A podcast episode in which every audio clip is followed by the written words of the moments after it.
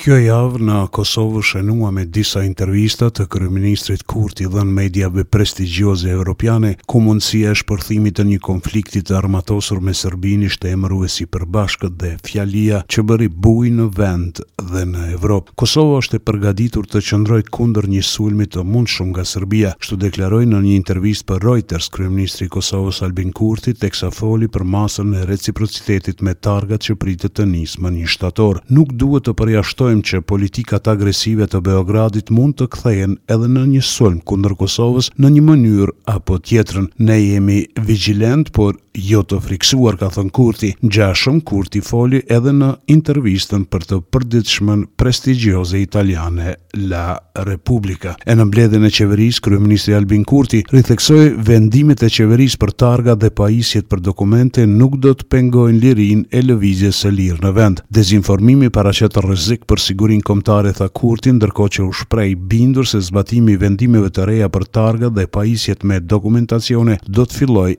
më një shtator. Ju bëj thirrje edhe një herë që të përcjellni me vëmendje njoftimet nga qeveria jonë dhe institucionet tjera vartëse, të verifikoni burimet e lajmeve dhe të mos lejoni që të dezinformoheni nga ata që synim mund ta kenë destabilizim. Fushata jonë e informimit për regjistrimin e tabelave të veturave do të vazhdojë dhe nuk do të ndalet as pas një shtatorit, kur edhe do të rifillojnë së zbatuari dy vendimet tona. Ndërkaq lidhur me deklaratat e presidentit serb Aleksandar Vuçiç se Kosova po përgatit sulme në veri për të likuiduar sërbët atje, Kryeministri Albin Kurti ka thënë se ka autokratë që janë të shqetësuar për progresin e arritur në Kosovë dhe kur flasin për dhunën dhe vrasjet, flasin për vete e jo për Republikën e Kosovës. Kur ata flasin për dhunë, kur ata flasin për vrasje, flasin për vete. Nuk flasin për Republikën tonë. Dita e një gushtit do të shkonte tërësisht paqësore, mirëpo me tridhjetë e një korrik u ngritën ato barrikada prej njerëzve të cilët kishin